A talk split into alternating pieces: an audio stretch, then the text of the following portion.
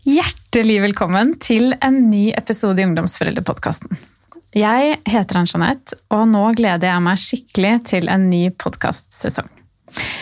Du skal nå få høre episode 51 i Ungdomsforeldrepodkasten. Og denne episoden her, den markerer en overgang her i poden min. For dette her er rett og slett litt stas, syns jeg. Det er første episode som blir tatt opp i et podkaststudio.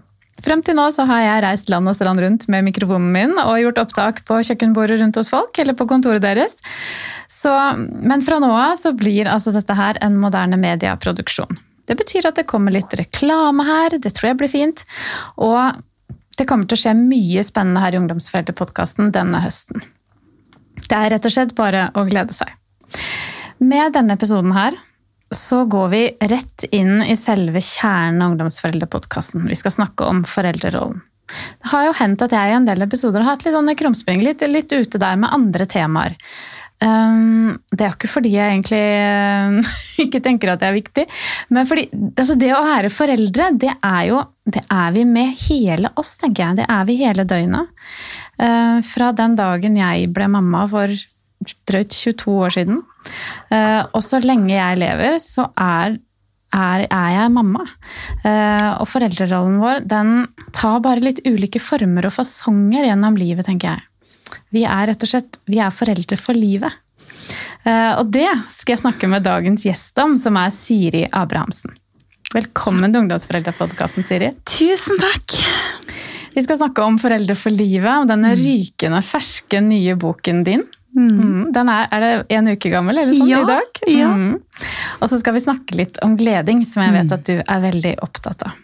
Yes. Men du Siri, aller først, jeg er skikkelig imponert over alt hva du har fått til. Du er, Så langt jeg har klart å google meg frem, så er du mamma til tre. Mm. Du er tidligere norgesmester i tennis. Mm. Mm. Forfatter av hele seks bøker. Og en av Norges beste foredragsholdere. Du er på talerlisten du òg, er du ikke det? Jo, det er godt. Og så har du startet opp Gleding, som vi skal få høre mer om. Ja. Listen er ganske lang. Og det gjør at jeg får så lyst til å spørre deg, Siri. Hvem, hvem er du? Hva er det som er typisk for deg, Siri? Åh, det var skikkelig fin innledning, eh, og jeg ble veldig lett rørt, og det ble jeg nesten nå. Det er så sjelden jeg liksom tenker på de tingene på den måten. Eh, ja, jeg, jeg syns det er så vanskelig å definere meg sjøl, men jeg, jeg, har alltid vært og er veldig engasjert. Um, og jeg har alltid vært opptatt av å gjøre folka rundt meg glade. Og det tror jeg har vært en um, en slags mestringsmekanisme fra start. At jeg fant min rolle i familien der jeg er født inn. Og, og jeg fant ut at uh, akkurat den superkraften å gjøre andre glade, som jeg snakker om i Gleding, den har jeg. Og den har jeg alltid brukt. Og den har jeg har også kommet uh, godt med når jeg sleit med å få, å få nære venner. Jeg har ofte, og egentlig ennå, så er jeg, jeg er veldig ofte med folk som er eldre enn meg. Og det begynte allerede i barnehagen. Der var det de voksne jeg trodde var vennene mine. Um, og så er jeg yngst, så jeg har alltid sett opp til mine eldre søstre, som jeg syns er så kule, og de har så fine venner, og jeg vil være med i deres gjeng.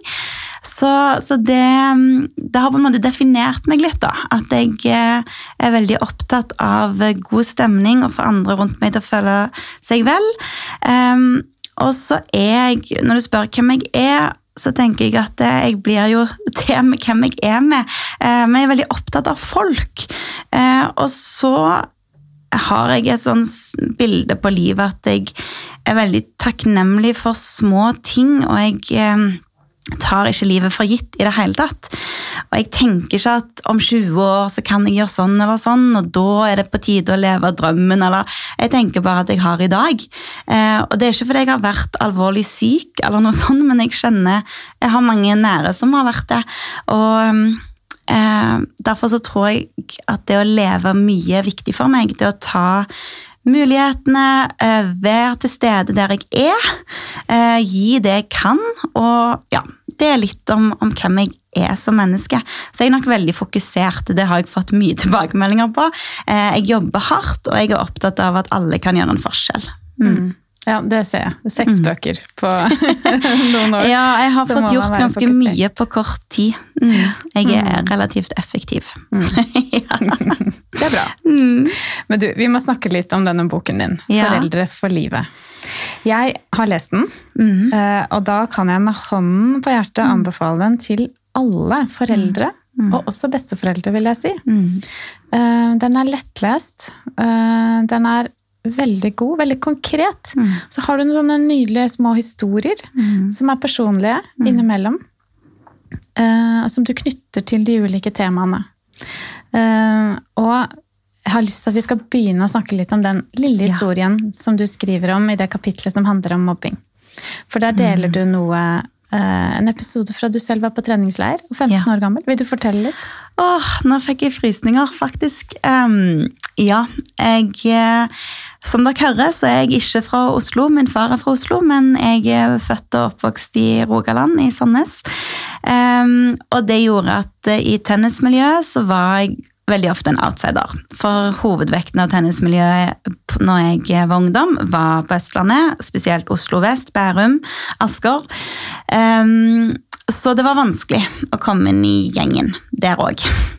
Uh, og så skulle vi på treningsleir til Marbella i Spania. Um, og så bodde vi fire jenter på ett rom. Sov i to køysenger. Jeg sov eh, øverst i den ene. Og så gikk vi og la oss. Jeg tenkte nå må vi sove, for vi skal opp og trene tidlig på morgenen. Um, og så jeg sovna jeg, og så våkna jeg etter en time, og da var de tre andre jentene var ikke i rommet. Og så tenkte jeg, hva, hva har skjedd nå? Hvor er de henne? Ehm, og så fant jeg ut da, at da hadde de avtalt at når jeg sovna, da skulle de ut og finne på noe gøy. Men de ville ikke ha meg med, eh, så det var en sånn fin måte å bli kvitt meg på da. Og dette var helt i starten på den uka, og jeg husker bestemor mi hadde akkurat, hadde, hun hadde akkurat gått bort, og det fikk jeg beskjed om når jeg kom ned der, at hun var død, og det var liksom så mye vondt allerede, og så merket jeg at nå skal jeg være her i ei uke, og de andre jentene her, de ville ikke ha ting med meg å gjøre. Og de tre var liksom sånn, ja, sånn som jenter av og til er, at de er sånn bestiser, og nesten går og holder hverandre i hendene. Um, ja, og det var, var selvfølgelig veldig vondt. Det er noe med, det er så skamfullt å føle at en ikke er ønska, og liksom det å bli, ja, og, og så tydelig være ikke invitert. Det, det husker jeg ennå. Jeg tror aldri jeg kommer til å glemme det. Og jeg er ikke bitter på det, for jeg har lært mye av det. Og jeg tenker at den, den og andre vonde ting som har skjedd, gjør jo at jeg lettere kan forstå andre. Men, eh, men det er noe med mobbing og altså ekskludering som bare setter så dype spor, da. Mm. Så, og så delte jeg den historien òg, for det er en, ungdoms, det er en historie fra ungdomstida. Og, og det er kanskje ikke sånn typisk en tenker på om mobbing, men, men det er en veldig hva skal jeg si, god historie om ekskludering, da. Mm. Og akkurat den, jeg tror veldig mange kan kjenne seg igjen i den historien. Det gjorde jeg selv. En, en sånn opplevelse har vi nok hatt omtrent alle sammen. Ikke sant? Eh, og ikke minst også den opplevelsen av utenforskap. Mm. Fordi vi snakker jo mye om mobbing. eh, og, og ser da fort for oss mm. sant? en sånn typisk scenario med ett barn og en ring og, og, og Ja. litt sånn eh, ja, mm. den der klassiske situasjonen. Men mobbing er jo veldig mye mer enn det. Og jeg liker egentlig bedre å snakke om utenforskap. Fordi akkurat det jeg tror jeg det er veldig mange som kjenner seg igjen i. Og hva kan vi Jeg blir jo litt opptatt av hva, hva kan vi voksne gjøre? Hva kan foreldre gjøre? Ja, for det gjøre? som skjedde der òg, var at det var en trener som var med, eh, som var voksenansvarlig, og han var jo veldig feig. Og det hjelper jo ikke. Sant? Altså, han tok ikke tak i Han visste sannsynligvis ikke hva han skulle gjøre, jeg vet ikke. Men, men det gjorde jo meg enda mer vondt, for jeg følte ikke at det var noen som sto opp for meg heller. Så, og, og sånn, sant? når du kom inn i et rom og du bare merker at å, nå ble det stille, ja. Altså, alle sånne småting som gjør vondt. Og hva kan vi voksne gjøre da? Altså, jeg tenker jo eller jeg, øh, jeg er jo helt overbevist om at sånn som vi er som rollemodeller, at det er det som påvirker ungene våre aller, aller mest. Det er hvordan de ser at vi snakker om andre, hvordan vi inviterer, hvordan vi eventuelt ekskluderer. Eh, Jeg hadde faktisk nettopp en undring på det i går, der jeg tenker på hvordan vi deler på Instagram når vi er ute og spiser med venner, så tagger vi de vennene vi er med. Eh, Og så tenker jeg, hvorfor gjør vi det? For det er de som er på den middagen, de vet jo veldig godt om det sjøl. Hvorfor skal vi vise så godt dette er gjengen min sånn der ute. Det, ja, jeg bare funderer på det. Hvorfor? Hvorfor skal vi definere så sterkt, og nå er jeg ute med de beste? og nå... For det, ja, det skaper jo mye vondt for de som ikke er der. Og, og det tenker jeg på med sosiale medier òg, der ungdommene våre er mye. Hvordan er det for de som alltid ser at de ikke er med. Så jeg tror jo Ja, det vi må gjøre, vi må snakke om det, vi må stå opp for det, vi må være tydelige på hva vi syns er ok og ikke. Eh, og så må vi kanskje av og til tåle at eh, at våre egne barn trenger ikke å være de mest populære, de kuleste. Altså, det er kult å bry seg. Det er kult å invitere den som ikke de andre inviterer. Tenk å vise ungdommen vår at eh, vet du hva, du trenger ikke å passe inn i den gjengen der. For det om alle andre vil være i den gjengen, hvorfor skal du være der? Men da må vi jo sjøl òg tenke litt på tør vi å stå utenfor, da? Eller tør vi å være den som tar valg som ikke alle de andre gjør? Mm. Um, ja, Det er jeg kjempeopptatt av, egentlig. Og den, akkurat dette temaet kunne vi sikkert snakket om i en time. For det handler jo òg om sånn Tør du å si til ungen din at han ikke skal ha den jakken? eller ikke, altså Det å, å, å velge annerledes enn mainstream tror jeg er viktig. Ja, for det ehm, får jeg inntrykk av i boken din også, for det, det snakker du om egentlig i, i flere mm, kapitler. Mm. Dette med viktigheten av at foreldre kjenner seg selv. Ja. Fordi Åh, det er jo det det, det handler om. At man mm. har på en måte gått noen runder med sin egen historie. Mm. Uh, er trygg på egne følelser. Mm. Uh, fordi vi er mm. forbilder for barna våre, som du mm. sier. Altså, ja. ja. og det vi gjør, det er greit. Altså, sånn, det vi tillater oss sjøl, det tillater de seg sjøl å gjøre. Så, så, den der bevisstheten på hva, hva er jeg redd for som mor eller som mamma eller pappa? Hva, hvor er jeg er redd for å ikke høre til sjøl. Jeg er redd for å ikke bli akseptert av den gjengen der, av de folka der. Altså Alle våre egne redsler og, og frykter, da, de, de, kommer jo ofte De går videre til ungene våre. Um, så, så og, ja, jeg, jeg, har noen andre eksempler òg der med sånn før jul, når det skulle være julekalender, sånn pakkekalender. Så husker jeg var på radioen, og så, så sa jeg nei, hjemme hos oss så har vi ikke pakkekalender. Jeg, jeg, jeg, ser ikke verdien av det. Det blir bare dumt. Så det har jeg valgt vekk. Og så sier Jan, som også er ungdomsmamma, da, da sier hun ja, men det er jo lett for deg, det er jo lett å si, liksom. Men, men de vil jo komme på skolen og høre om Så jeg bare ja, men det er helt greit. Det gjør meg ingenting, for jeg kan stå for det. Jeg vet så trygt hvorfor jeg tar det valget. Men, men ja, det går på trygghet i oss sjøl, da, å tørre å si at det, ja, om alle andre naboene her gjør det, så kommer ikke vi til å gjøre det fordi sånn og sånn og sånn. Og det går også litt på det med å tåle at ikke barna har det bra hele mm. tiden. Mm. For, for, det er utfordrende for oss mm. foreldre. Mm. Fordi det er jo ofte det som skjer, at vi mm. tilrettelegger og fikser og ordner og mm. går på bekostning egentlig av både våre egne verdier og holdninger. For, fordi det gjør så vondt. Eh, for da får dine barn kjenne akkurat på den der 'Å ja, de andre har kalender, men det har ikke jeg'. Ja. Men, men, de tar jo ikke noe skade av det. Nei. Det er jo ikke noe, det er ikke noe farlig, det. Nei, det er akkurat som den eh, sønnen min, 14-åringen, eh, som kom hjem og sa at alle de andre får jo betalt for disse karakterene. Jeg bare, ja, det kommer faktisk ikke til å skje. og han, og han, men han merker jo at eh, jeg tror han egentlig er enig med meg. men, men, ja, det handler om å stå for noe. Og ja. da tenker jeg refleksjon tilbake til vår egen barndom. Hvordan, hvordan, hadde jeg det? Hva var vondt for meg da? Og, og gjerne det som var vondt for meg. Jeg har jo ikke lyst til at ungene mine skal gå gjennom det, men samtidig så tenker jeg det er livserfaring. Og det er en bjørnetjeneste å ta alle former for litt vond livserfaring fra ungene våre. For de kommer til å komme der som 20-25-åringer og, og, gå på kjempesmeller.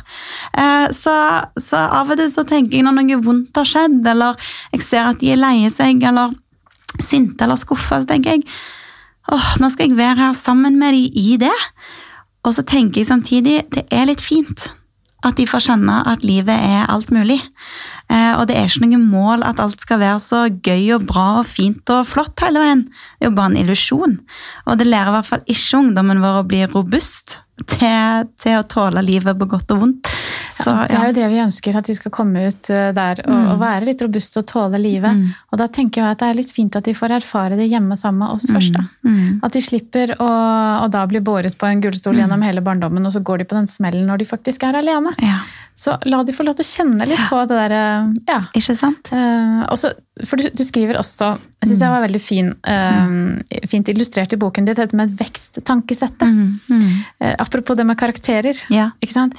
Uh, hvordan vi foreldre eh, Du kan fortelle litt om det selv. Eh, vekststrategien på en måte, Ja. fremfor eh, Mm. resultatfokuset, som, som hos mange er veldig sterkt. Ja, og det kommer jo fra en professor som heter Carol Dweck, eh, som har forska på hva som gjør at, eh, at noen barn og ungdommer mer går inn og tar utfordringer, mens andre er mer redde for det og er opptatt av å være flinke. Da. Så et veksttankesett, og et, det er veksttankesett, og så er det statisk tankesett. Og et veksttankesett det handler om at en, en jeg er ikke så opptatt av å være flink, men innsats, eh, innsats er viktig, læring er viktig. Tilbakemeldinger er gull, for da kan jeg lære noe nytt. Eh, Det handler om å, å ta utfordringen og være mer fokusert på prosess enn på resultat.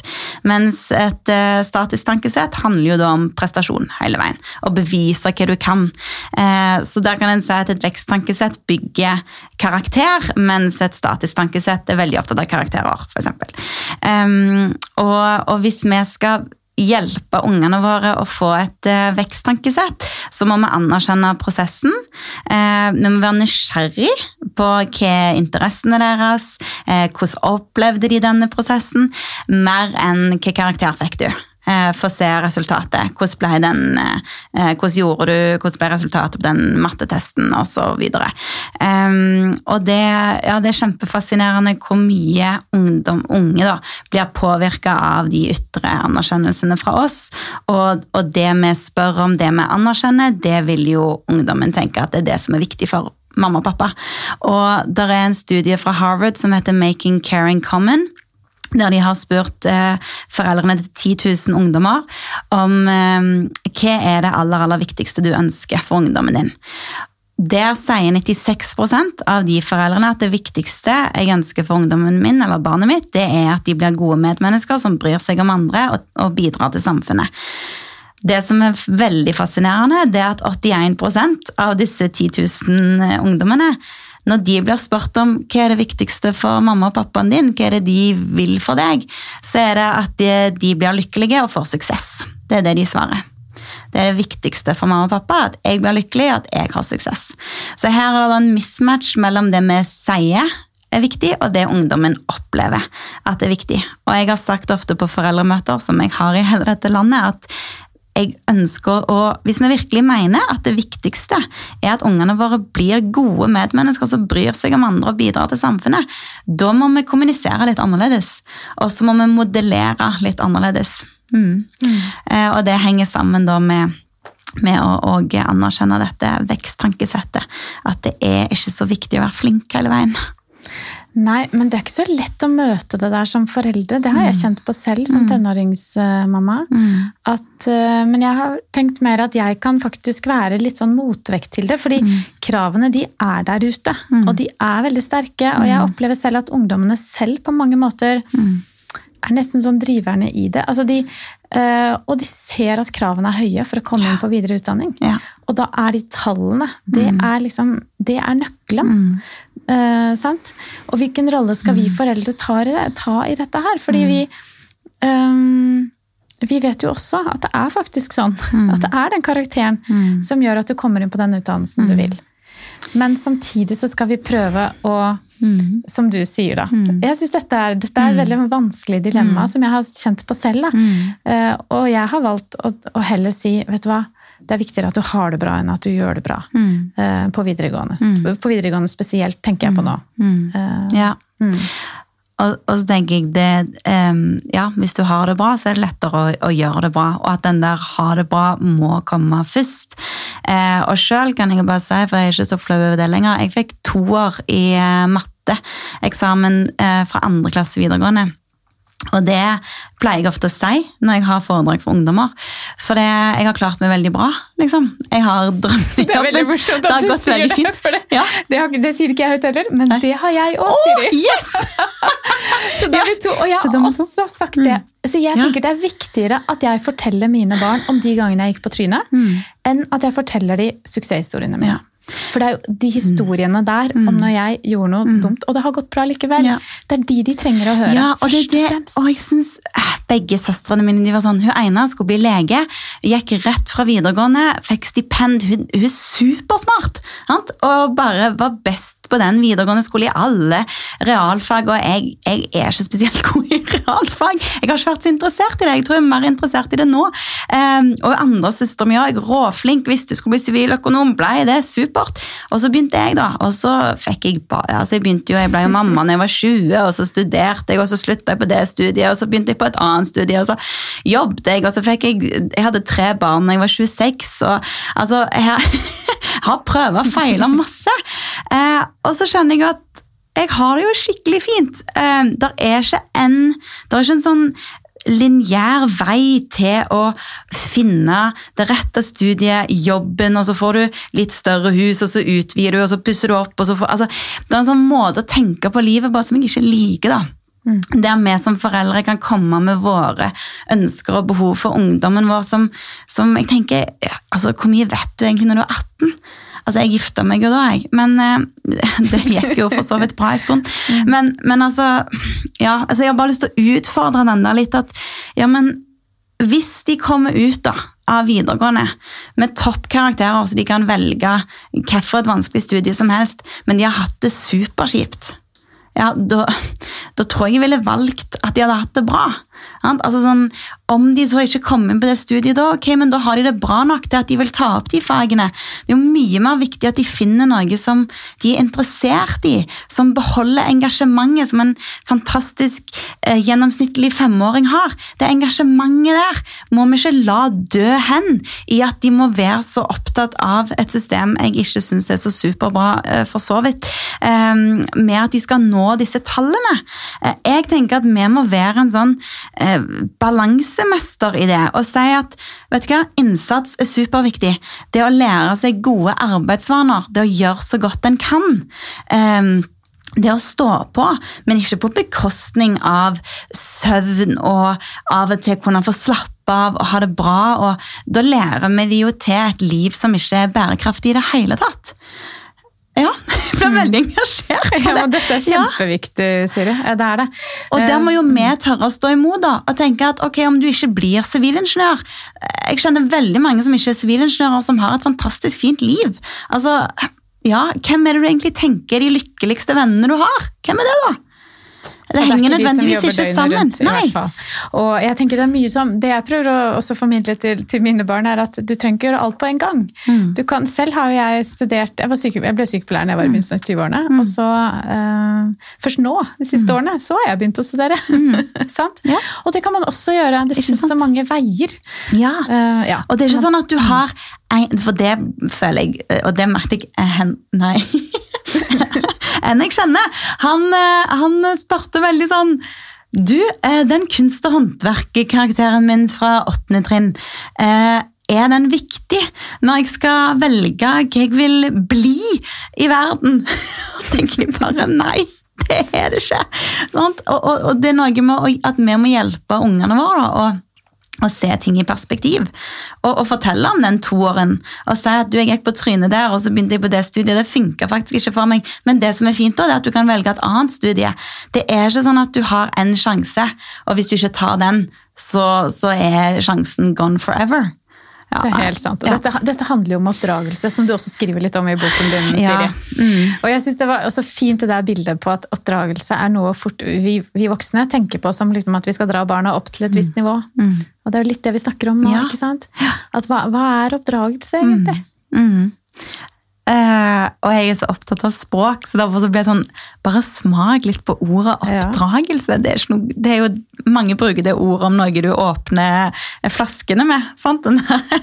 For å få av korken. Det er noe du skal dra opp. Og jeg, jeg bare, jeg syns det gir et helt feil bilde på hva som er viktig da, for at vi skal få barn som både eh, klarer å relatere til andre mennesker og klarer å ta sine egne behov på alvor og være gode medmennesker. og samtidig klare å, å, å være selvstendige når det trengs osv. Og så jeg skriver jo der at eh, oppdragelse handler veldig lite om å, å stå ovenfra og dra opp og si at nå er du ferdig oppdratt. Nå, nå har du liksom nådd dette målet. Um, Og så skriver jeg at det handler mer om å, å være, være, der barnet er, være der ungdommen er, se livet og verden gjennom deres øyne. Og prøve å hjelpe dem å tolke ting, og prøve å hjelpe dem å, å eh, navigere da, i alle disse valgene som de må ta.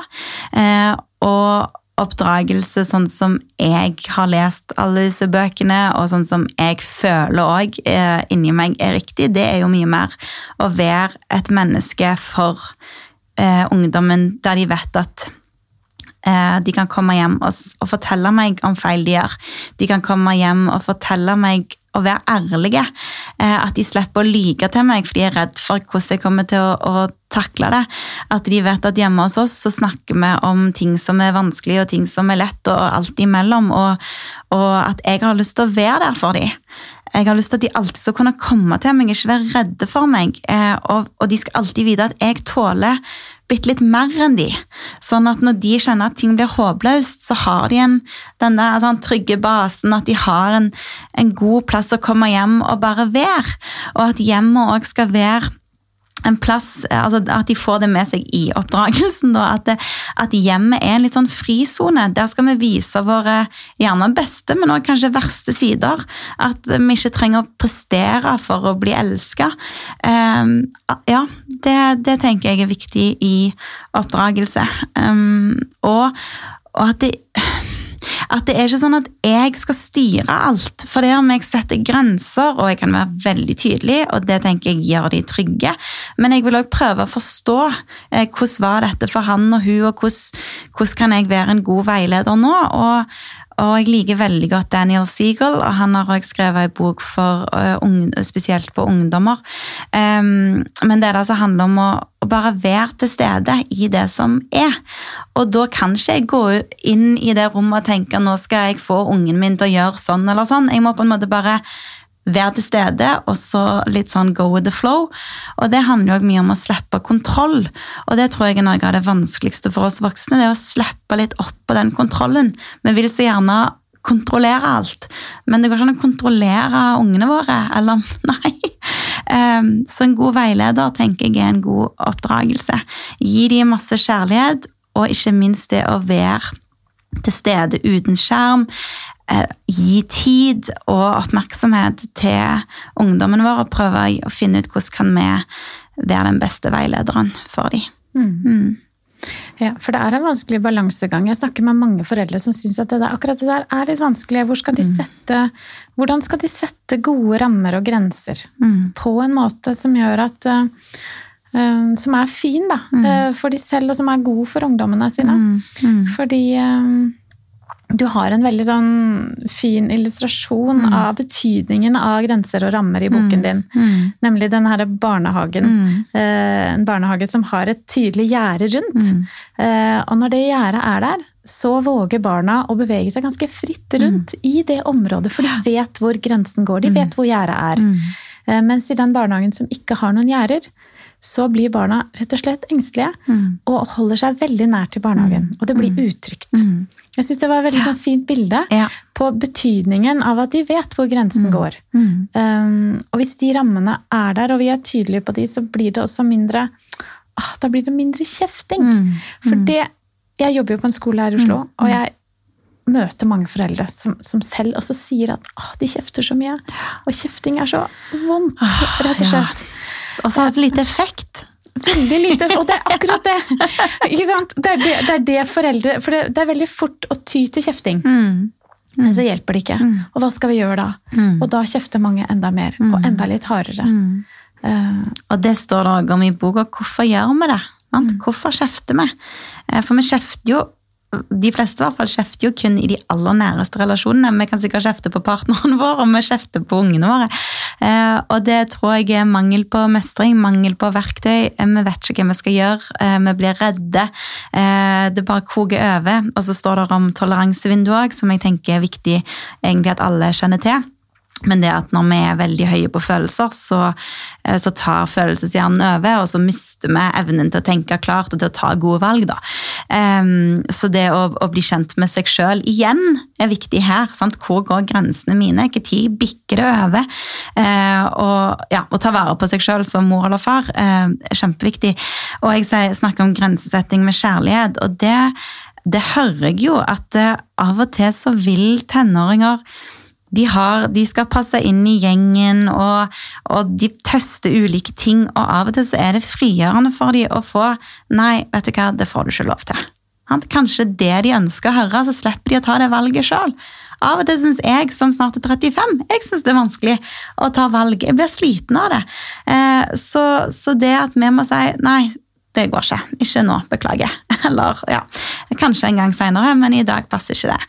Um, og så syns jeg òg det der med å Det syns jeg er en vanskelig balansegang, og jeg har masse spørsmål sjøl og mange ting jeg ikke føler jeg kan eller mestrer eller vet hva jeg skal gjøre på, men den der balansen mellom å, å gi tillit og, og, liksom Jeg vil så gjerne vise de tillit, og samtidig eh, ikke bli for naiv. Den syns jeg òg er veldig vanskelig, eh, og det var ikke så vanskelig når ungene var mindre. Men nå eh, så jeg prøver, prøver meg litt fram. Eh, jeg har sånn Jeg har nok et utgangspunkt i at svaret er ja. Det er på en måte utgangspunktet mitt. Jeg vil ofte si ja, og så har jeg noen veldig tydelige nei. Som er sånn Der går grensa. Og det vet de veldig godt. Og de vet hvorfor grensa går der. Og da slipper det å bli så mye diskusjoner og krangler og ting og tang. Og hvis jeg sier at eh, du skal være hjemme til det tidspunktet der, og de gang på gang kommer for seint hjem, ok, da vet de at jeg strammer inn. Og så kommer det til å bli enda tidligere, for de klarer ikke å holde tida. Det er liksom, Der går grensa, da, eh, på sånne ting. Eller språkbruk, eller hvordan de kan snakke om andre, eller hva de tillater seg å, å gjøre på Snap. og det er sånn, Der har jeg noen ting som er sånn helt nulltoleranse. Men én ting er å sette grensen, tenker jeg. Mm. Det, det, kan vi klare mm. ganske mm. greit. Mm. Eh, men så handler det veldig mye om å tåle den reaksjonen som kommer. Mm. Fordi jeg tenker at vi foreldre. Ja, mm. for vi kan, ikke, vi, kan ikke, vi kan ikke, forvente på en måte at vi skal sette en grense, og så forvente at de bare skal si ok. Eh, da må vi tåle den reaksjonen som ja. kommer, og så må vi klare å håndtere den. Og det er det som er bøygen for ja. veldig mange, opplever jeg. Veldig god presisering. Og jo, da kan vi jo føle oss veldig avvist, da. Ja. Kan, og det, og jeg er jo skilt, og det hører jeg òg med flere foreldre som er skilte, at ungene har jo egentlig mulighet fra når de er tolv år til å velge hvor de vil bo. Og jeg tror mange er redd for at hvis, hvis jeg er litt strengere enn den andre, eller hvis jeg setter grenser sånn og sånn, så vil sikkert han eller hun bo mer hos det. Altså, Vi blir redde for å miste ungene våre, tror jeg. Eh, og det er jo kjempeskummelt. og, da, eh, og, det å tåle at vet du hva, det er masse kjærlighet i å si nei, og i et familieliv, i, når vi bor så tett, så det er klart at det vil bli dårlig stemning. Og vi må på en måte trene oss på å tåle dårlig stemning. Trene oss på at de smeller med dørene av og til når de går ifra oss. Og tenke at ja, ja, Sånn er livet. Ja, fordi det er for mye å kreve av dem, rett og slett. Ja. Mm. At de skal ta en grense og så ikke reagere. Mm. Mm. Så, så, det må vi våge å stå i da, som ja. foreldre, tenker jeg. Og så må vi, må vi reparere. Ja. Uh, for det, jeg ble så glad når jeg så du skrev om det. For jeg mm. tenker det er, mye, det er mye vi kan tåle hvis vi bare mm. reparerer etterpå. Mm. Og, så, og så tenker jeg at når eller jeg synes når ungene lærer hjemmefra at vi er en familie på godt og vondt. Vi tåler hverandre på godt og vondt. Jeg tåler at du blir sint på meg, for jeg vet at du er glad i meg uansett. Men, men vi blir sinte på hverandre. Vi, for hvis en kommer fra et hjem der det aldri har vært uttrykt sinne eller skuffelse, og det bare har blitt lagt skjul på, hvordan i all verden skal du tåle det sjøl når du blir mamma eller pappa en gang, eller du skal få din egen familie? Så er du vokst opp med et hjem der, der vi bare tålte de, gode, de følelsene som kjennes gode. Det er jo ikke livsmestring. Um, så, så, det å vite at hvis vi som, som gode voksne da, gir nok kjærlighet og innskudd på kontoen, så vil ungene òg tåle oss på godt og vondt. Men hvis vi alltid sier nei, og vi aldri viser at vi virkelig vil de vel, ja, da vil de jo etter hvert begynne å avvise oss òg, da. Eh, men det å stole på at jeg er en god nok mor, eh, det skriver jeg òg om i boka. Det skal ikke være perfekt. En god nok forelder som gir ungen sin passe nok frustrasjon, det er fint. Vi skal tillate at ungene våre blir sinte og sure og frustrerte på oss. Det, det, ja, å, det er så viktig. Men, det krever Men vi må trene på det, ja, vi tenker jeg. må, det, vi, kan, vi må øve på det og være litt bevisste på det. Og så krever det en viss trygghet i bunnen. Ja. Man må, og det handler nok en gang om å kjenne seg selv. Da. Om å ha den tryggheten i bunnen på at dette kan jeg tåle å stå i. Og hvis man har hatt det utfordrende selv eh, i sin egen barndom, så kommer dette opp, og så trigger det, og så blir det vanskelig å stå i det. Så jeg tenker, altså, La det være en oppfordring til å rydde litt opp i sin egen Når jeg er rundt og snakker, holder foredrag, så snakker jeg mye om den psykiske helsen vår som en sekk som vi har på ryggen hele tiden. Òg. Ja, gjør du også, ja. Eh, Og den bærer vi med oss. Sant? Er det mye vanskelig og tungt oppi der, så blir det tungt å gå. Vi kjenner det hele kroppen. ikke sant? Eh, Og det å rydde litt opp i sin egen sekk, da, rydde litt i sin egen historie, vil gjøre at man i større grad vil, vil tåle Mm. å stå i det ubehaget og, og ha den tryggheten som trengs for at barna våre igjen skal bli trygge. Mm. Det er akkurat det. Å tørre å gå inn i det ubehagelige. Jeg sier av og til I den ryggsekken så kan det være der noen råtne bananer. Sant? Det kan være der er rom i den sekken som du ikke har tørt å åpne. Eh, og da, da vil det ligge der og bare bli mer og mer råttent helt til du tar det ut og ser på det. Eh, men vi har jo en sånn eh, iboende i oss at vi vil så gjerne at de vi er glad i, skal ha det bra. Eh, vi vil ikke at de skal ha det vondt, for da får vi òg vondt. Um, og, og det er her jeg tenker at vi har mye å gå på. Med å tenke at det, og, og med det der med lykke og glede og happiness og alt det der, at det kan, det kan bli misforstått i at vi hele veien skal være så glade. Det skal vi ikke. Vi skal òg kjenne på alt det andre, og jo mer vi kjenner på det som er vondt, jo sterkere kjenner vi på glede òg. Så, så det er noe med det der å tenke at livet er godt vondt, og det er ubehagelig, og det er der det er ubehagelig, der er størst potensial for å vekst og, og for å bli bedre kjent med seg selv og andre. Og, det, og jeg synes det er så gøy, og jeg tenker det går ikke an å bli forelder uten å få en stor dose selvutvikling. Er kanskje det mest selvutviklende som fins. Å ha barn som liksom speiler de gode og vonde sidene i oss. og alt sånt. Det så oh, det er helt sant. Og de trigger deg. måte. Ja. De drar deg til det ytterste mm. med at du ikke får sove om natten når Ja, de er ja. små. Og, og jeg tenker når de kommer i tenårene, så skal de eh, de skal finne seg selv, ikke sant? og da må de skape en avstand. Jeg syns det er kjempegøy å se på mine egne døtre nå som kommer i tenårene. Ja. Hvordan de har behov for å bare Selv om vi egentlig er ganske like, og jeg ser det, så er det så kjempebehov for å bare si nei, mamma, jeg er ikke lik deg, fordi jeg må finne meg selv. Og det er noe med å gi de rom for det. fordi at hvis de skal finne seg selv, så må de skape litt avstand til oss. Eh, For det er deres vei til å, til å ja, finne ut av hvem de er som mennesker. Ja. Mm. Vi, vi må snakke litt om gleding også, Ja. Siri. Åh, det er så gøy å snakke med deg! Jeg klarer ikke liksom. Det er sånn, å, hvert tema, og så er jo dette så dypt, og det er derfor jeg tenker også, folk som snakket om litt nå, men, men det å bare oppfordre de som hører på, til å, å være nysgjerrig, tenker jeg. Nysgjerrighet er en sånn kjempegod nøkkel i oppdragelse også. Mm. Helt sant. Ja, gleding, ja. Ja, det, det kom jo eh, når jeg satt og spiste kveldsmat med guttene mine for nå fem år siden, så var det veldig mye fokus på mobbing i nyhetene, og det er veldig ofte det rundt skolestart. Jeg føler nesten det er sånn skolestart er lik mobbestart. Det er too much. Uh, og selv har jeg jo, fikk min første venn, sånn nærvenn da jeg var 17 år, så jeg vet litt om hvordan det er å, å ha det kjipt på skolen. Um, og Derfor har jeg vært opptatt av dette med, med mobbeproblematikk og, og hvordan vi angriper det, og hva er det som funker og hva funker ikke, osv. Så, videre. så stilte jeg rett og slett spørsmålet hva er egentlig det motsatte av mobbing. Og det var så gøy, for da kom det sånn kontant svar eh, fra han som da var ni. Det er gleding, selvfølgelig. Så tenkte jeg bare Hæ? Gleding? Og jeg bare elsker det ordet.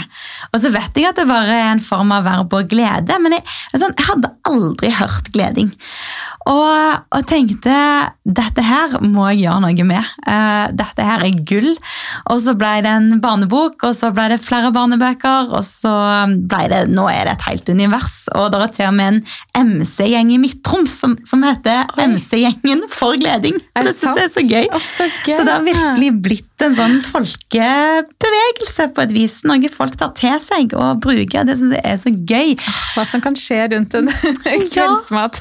ja, sant. Ett spørsmål kan utløse det. Og det at det kom fra et barn, syns jeg var magisk. Um, og gleding kan for noen høres litt sånn overfladisk ut, litt sånn happy-clappy. Uh, men gleding sånn som jeg har forma det, og sånn som jeg tenker at gleding er, så handler det om å skape verdi eh, for oss sjøl og menneskene rundt oss. Altså den der menneskelige verdien. Det å bygge tilhørighet, det å, å vise folk at du er viktig. Eh, dine behov skal ha plass i verden. Og, eh, og, det å gjøre hverandre gode. Og de bitte små tingene som skal Altså, det er så lite som skal til for å gjøre en forskjell. Jeg er veldig for sånn hverdagsgleding. Det å Når du sitter på bussen eller er på butikken, eller du snakker med de som jobber på skolen, eller med ungene, eller vennene til ungene dine, eller foreldrene deres. Altså det der med å, å si noe hyggelig. Det med å, å, å sende en oppmuntrende melding. Um, det med å la, få folk til å føle seg vel. Det å ha et anerkjennende kroppsspråk. Eh, lyt, lytte til andre, gi folk plass. Ja, det er så mange bra ting eh, som, som, ligger i, i, gleding for meg, da. Um, og, og, at i gledingboken så står det at dette er en superkraft som alle har, og at den funker på alle. Den funker på gamle som har sånn munn som går nedover, og den, eh, alle setter pris på å få høre eller for å bli møtt på en god måte. Um, og i noen, noen arenaer så kan jeg føle at det blir litt sånn Folk tenker at det er banalt, da. Men uh, det er så mange som har mye å gå på. Og sjøl så trener jeg meg hele veien på hvordan kan jeg heie mer på andre, hvordan kan jeg glede meg med. Eh, det står også i boken under empati at eh, empati fokuserer vi ofte på å å kjenne på andres sorger og tristhet og forstå andre når dumme ting har skjedd. Men empati handler òg om å glede seg med. Og det tenker jeg for ungdommen vår òg, at vi kan vise at vi gleder oss med naboen.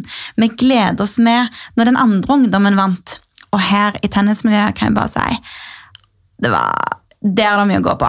Og jeg har forstått, for jeg har vært rundt forbi, at det er fortsatt mye å gå på at det er foreldre som klapper når motstanderen slår i nettet. Det er så dårlig rollemodellering som det går an.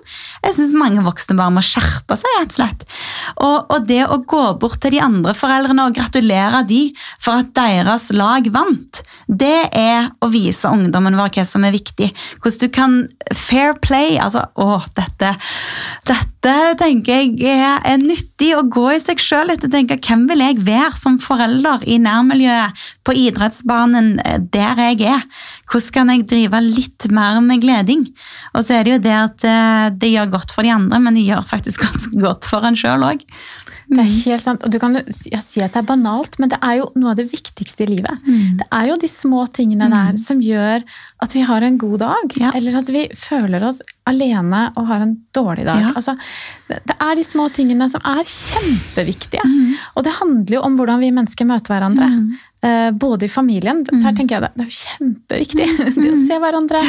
Um, og også alle andre vi mm. møter hver dag. Så kan mm. vi virkelig gjøre en forskjell. Mm. Og det er de banale tingene som er kanskje det aller viktigste i livet. Uh, og jeg tenkte, I går så, så jeg på jeg kikket så vidt innom det programmet til Harald Eia, som er sånn uh, typisk norsk. Mm. Og der uh, leter han jo etter norsk, er den største norske verdien? Mm. Uavhengighet. Mm. Um, apropos det, tenker jeg. Fordi uh, det er en sterk norsk verdi, men vi mm. mennesker er ikke uavhengige av hverandre. Vi trenger mm. hverandre mm. i så stor grad. Så uh, det der må vi gjøre noe med. ja, og det var jo hans program og, og den uh, undersøkelsen han brukte som fikk meg til å skrive om selvstendighetens land. I, hvordan er det å vokse opp i selvstendighetens land? For det er litt sånn misforstått konsept at vi skal være så selvstendige. Og det at vi, vi smitter hverandre, ikke bare med korona, heldigvis vi smitter hverandre med, med hva vi sier høyt. hva vi viser med smil. Jeg gjør ofte det på skoler, bare viser hvordan speilnevronen i hjernen speiler smil. Eh, og, det, og, det, ser jeg òg hjemme. Hvis, hvis ungdommene de trenger jo mye mat, eh, og det å istedenfor å si 'åh, er du sulten nå igjen', så kan man si Kom igjen, skal vi lage noe sammen? Eh, her skal jeg vise deg hvordan du lager en omelett. Altså, det er noe med, med hvordan svarer ungene våre. Og det, når de kommer hjem, Om de kommer hjem fem minutter for seint, det å gå og si 'Å, så kjekt å se deg', istedenfor 'se på klokka', da. Altså, det der med hvordan vi møter hverandre. Og der åh, Jeg har så lyst til at flere ungdommer skal bli møtt med litt sånn 'Så fint å se deg'. Så godt å være sammen med deg. Du gjør mye bra, du. Du er bra. Eh, enkle ting som vi ofte glemmer. Og så kommer mange med sånn sarkastiske ting hjemme. Det er så vondt. Eh, så det er gift. Og der tenker jeg gleding er kanskje motgiften. da, At vi kan, eh, kan passe på våre nærmeste. Det er, åh, det er kanskje den største fredsjobben vi kan gjøre i livet. Du, Det tror jeg faktisk det er. Det er der mm. vi må begynne, i det små. Mm. Mm. Og jeg det er så godt å høre på deg, Siri. Fordi jeg er så enig med deg. Og det er egentlig, sier jeg, det er egentlig ganske enkelt. Mm. Det er liksom sånn, det er de der små tingene. Mm. Uh, og det er så viktig, mm. for det handler om livet. Um, og så vil jeg bare skyte ned og si til ungdommen vår altså Det å lære ungdommen å sette grenser på hvordan de skal bli behandla. Når vi snakker om nulltoleranse eller nullvisjon for mobbing, da, så tenker jeg um, jeg tror at når vi samler hundrevis av mennesker, så vil det skje dumme ting. Og det å, å, lære barn og ungdom at liksom, vet du hva, det der skal du faktisk ikke finne deg i. Hvis det skjer, da er det stopp. Du, du, da må du si 'jeg vil ikke være med deg hvis du snakker sånn til meg'. Hva er det du holder på med? Altså det Å lære ungene å stå opp for seg selv og stå opp for andre. Og det har jeg også skrevet at det å bare tenke at mitt barn skal ikke mobbe, ja, det er én ting, men det å tenke at mitt barn Jeg skal hjelpe de til å kanskje være de som står opp for urett. Sant? Som sier ifra. Eh, jeg skal vise hvordan vi kan ta ansvar når dumme ting skjer. Eh, jeg har også skrevet om tilskuereffekten, som jeg også syns er viktig med ungdom. Når vi hører om ungdomsgjenger som står og filmer på Snapchat når det er slåsskamper. tenker jeg, Hvor er vi henne da? Hvordan kan vi la dette skje? Oh, ja, eh, så, så, i tillegg til gleding, så, som er veldig sånn fint og hyggelig, så er gleding òg å, å, stå opp for det vi tror på og si at nok er nok, og dette er faktisk ikke greit. Og hvis den gjengen skal holde på sånn, ja, da velger vi å ikke være med den gjengen akkurat nå. For det de gjør, er veldig dumt. Eh, det er ikke sikkert de er dumme, men de handlingene der, de er vi ikke med på. Eh, det er viktig, da. Er for at vi skal få viktig. verden til å gå framover. Jeg er helt enig, Siri. Mm. Og som du også nevner i boken din, um, den kjente barnepsykologen Magne Raundalen mm. eh, sier jo heldigvis også nå, mm. altså Foreldregenerasjonen nå har aldri vært så mm. kunnskapsrike så kompetente som det vi er nå. Vi er gode foreldre. Det er veldig mange gode foreldre der ute. Men jeg vil likevel anbefale boken din. Ja, løp og kjøp, rett og slett. Fordi jeg har lyst til å sitere bitte litt eh, fra, fra, slutten av boken din. Så skriver du For vi er foreldre så lenge barna og barnebarna våre lever. Så lenge noen husker oss, vil verdiene, holdningene og kjærligheten vår leve videre. Mm. Derfor er dette her så viktig. Det har vært mm. så fint å snakke med deg. Jeg eh, håper vi kan ta en ny prat, for vi har mye ja. mer vi kan snakke om. Åh, det har vært kjempefint å være her. Tusen takk. Hvor finner vi deg, eh, Siri? Sånn eh, gleding.no? Ja, jeg gjør ganske mye ut av meg, så det er ikke så vanskelig. Siri.abrahamsen på Instagram og Gleding. Eh, og så er jeg på Facebook og driver nå og lager en YouTube-kanal med små snutter for foreldre. Så, og så er det selvfølgelig gleding.no. Så, så lenge en husker gleding, så finner dere meg. det er fint. Da tror jeg vi bare sier løp og kjøp boken, og nyt sommerdagene. Tusen takk.